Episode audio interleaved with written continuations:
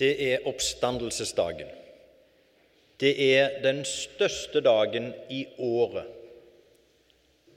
Og det er den største dagen i historien, den dagen Jesus sto opp. Det har aldri skjedd noe så viktig som det, nest etter skapelsen, at Jesus sto opp igjen. Og det markerer noe helt spesielt at han, Guds sønn, død og oppsto. Han sona, han tok vår straff, og så vant han. Han vant over døden.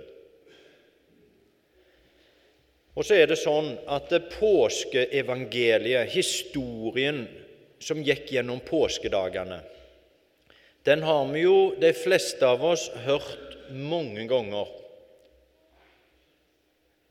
Og i år, eller i dag, så tenkte jeg at eh, en sånn historie har jo flere lag. Og det ene laget i historien det er jo det som faktisk skjedde med Jesus for 2000 år siden i Jerusalem. De faktiske hendelsene som skjedde. Palmesøndag og renselsen av tempelet og påskemåltid med disiplene og fotvaskingen og bønnen i Getsemane, fengslingen, piskingen, forhørene, korsfestelsen, begravelsen og oppstandelsen. Vi tror at det skjedde. Og det er jo den direkte Det er liksom den hovedlinja i forståelsen av denne historien. Men så har jeg tenkt er det ikke flere lag? Har ikke denne historien òg eh, andre betydninger? Og det kom jeg til å tenke på bl.a. når jeg så Kan vi få det første bildet, Eivind? Når jeg så dette på TV Notre-Dame i Paris som brant.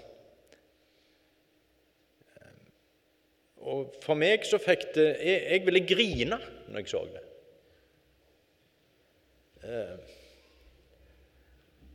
Eh, jeg kan ikke si at eh, jeg eier mye, mye den kirka, men jeg har bodd i Paris et år, og jeg føler jeg har et forhold til Frankrike, og jeg har et forhold til den kirka.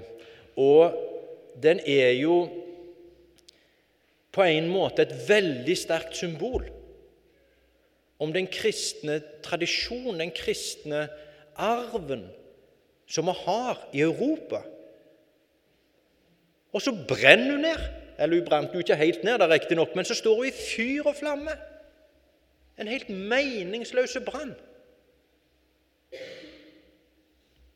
I dag på nyhetene så er det sånn at det i Sri Lanka har vært seks bombeangrep.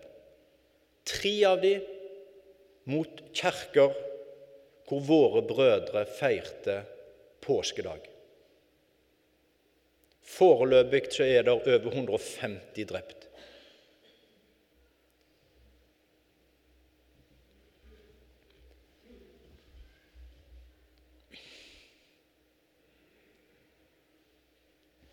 Hvordan kan dette skje? Feirer vi ikke påskedag? Feirer vi ikke oppstandelsen? Feirer vi ikke at det vant? Hvordan kan dette skje? For noen av oss så, så blir dette et symbol ikke bare på liksom Europa og kristendommen i Europa eller, eller den kirka, men vi kan stille oss spørsmålet hvordan kunne dette skje i mitt liv som har skjedd? Hvordan kunne denne sykdommen ramme? Hvordan kunne dette dødsfallet ramme? Hvordan kunne denne lidelsen, hvordan kunne denne ulykka skje? Er vi ikke Guds? Tror vi ikke på den seirende?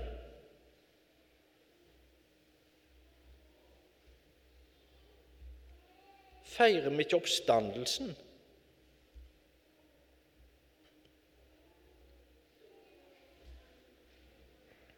Bakteppet mitt for å feire påske i år i en spesiell vår.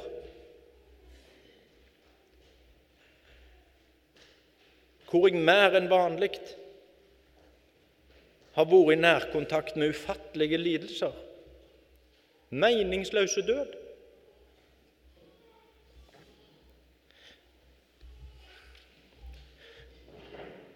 Og det er fristende å spørre hvorfor. Hvordan kunne du, Gud, tillate det?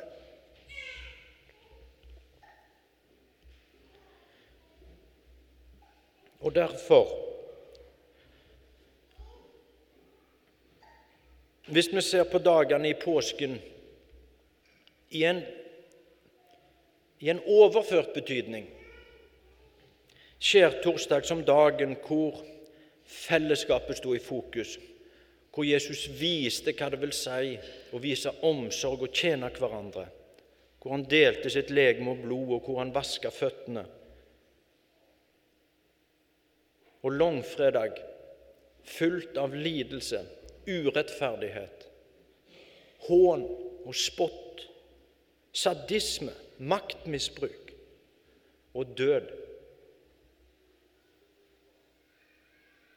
Påskeaften, den lørdagen der, som en hverdag, og butikkene åpner, og plutselig er det et vanlig liv, og ingenting skjer, liksom.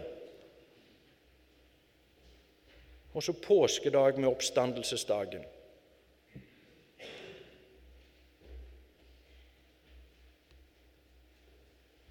Vi lever jo for vår del i vårt liv i dagene før oppstandelsen. Ikke før hans oppstandelse. Jesu oppstandelse har skjedd, men vår oppstandelse har jo ikke vært. Noen ganger så kjenner vi oss mer igjen i langfredag enn i påskedag, sånn i livet. Og på en måte så er det rett. Fordi vår oppstandelse har jo ikke vært. Vi er jo ikke i himmelen. Vi er på jorda. Og vi lever i kjødet, i verden.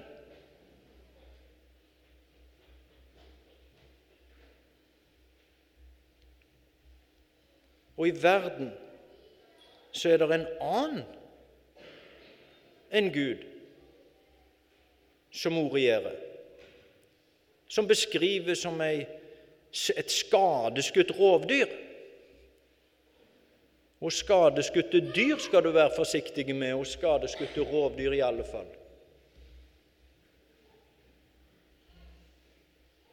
For det er jo ikke Gud som står bak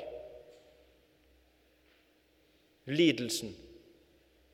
Det er jo ikke Gud som brenner ned Notre-Dame. Det er jo ikke Gud som tar liv. Det er Satan. Langfredag var jo Satans dag. Det var jo han som viste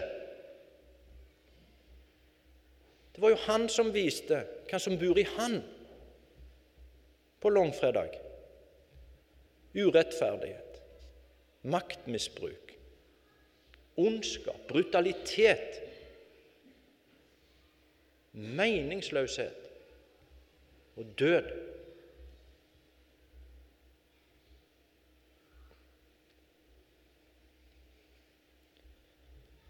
Med Jesus så var det faktisk sånn at det var en større hensikt bak hans lidelse. Men vi er ikke Jesus.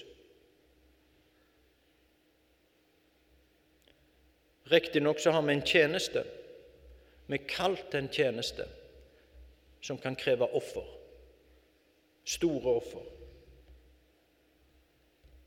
Men lidelse og død og sykdom og motgang generelt er ikke Guds verk.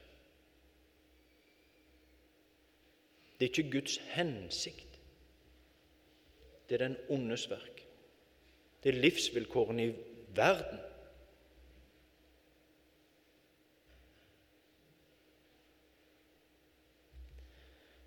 Påsken er jo på en måte en profeti det er jo en spoiler på hvordan det går. Det er jo å lese siste sida i boka først. Vi får jo se og bevist hvordan det går til slutt. Det er en forutsigelse for hva som kommer etter langfredag og den meningsløse lørdagen. At det kommer en søndag, en oppstandelsesdag. Det er det som er vår tro og vårt håp, det som kommer. Vi tror ikke fordi vi ser. Vi er salige fordi vi ikke ser og tror på det som kommer. Vi tror ikke fordi Gud gjør av og til under i dag. Vi tror fordi Han en dag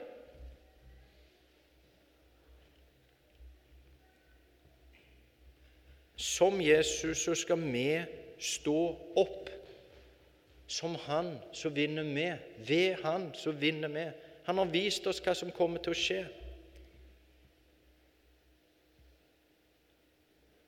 Ingen andre religiøse truer, så vidt jeg vet, har noen gang sett en sånn seier over død.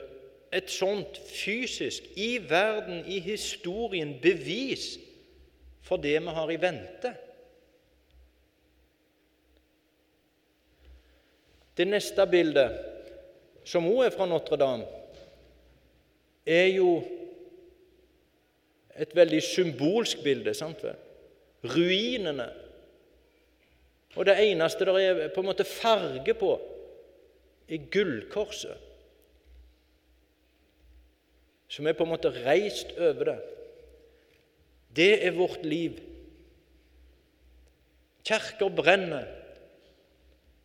Kristne blir drept under gudstjenesten når de feirer første påskedag. Det er jo så gale som det kan bli. Men Jesu oppstandelse, et kors uten Kristus, et tomt kors hvor Jesus ikke lenger er, men han er oppstått, det er det som står over livet vårt. En dag skal vi stå opp. En dag skal vi stå opp og møte våre, snakke med dem, sånn som Jesus sto opp. Og så er det Jeg holdt på å si jeg beklager at jeg må si det. Men det er fare for at det ikke gjelder alle. Gud vil at alle skal ha dette i vente. Det er hans høyeste ønske. Han har gjort dette for alle mennesker. men fordi det er på en måte noe nytt. Det er noe som bryter inn i livsvilkårene. Fordi det er noe som tilbys, som ikke trenges på, som ikke tvinges på. Sånn som Gud alltid opptrer. Så kan vi, og så må vi, ta imot det når det tilbys. Det går an å avvise det og snu ryggen til og være likegyldig til. Vi har fått den muligheten.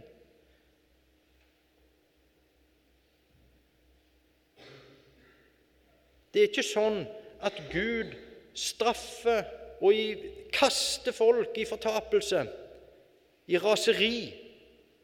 Han redder folk fra fortapelse i kjærlighet. Han er vårt håp. Han er vår redning. Det er den onde som drar folk i fortapelse. Sånn som påskedramaet igjen har vist. Piskeslagene var Satans verk. Døden, vaktene, korsfestelsen. Men i dag, på påskedag, ser vi hva som er Guds verk. Livet. Nytt liv et møte med den oppstandende, en prat, glede. Del med brødrene, spring og fortell. Halleluja! Han lever. Halleluja! Han har gitt oss, bevist for oss, hva håp vi eier. Vi er frelst. Vi tar imot det i glede, vi trykker det til vårt bryst, vi lever på det. Vi holder ut med det. Vi kjemper videre på det. Vi deler det, og vi dør på det. Håpet om at en dag foran en dag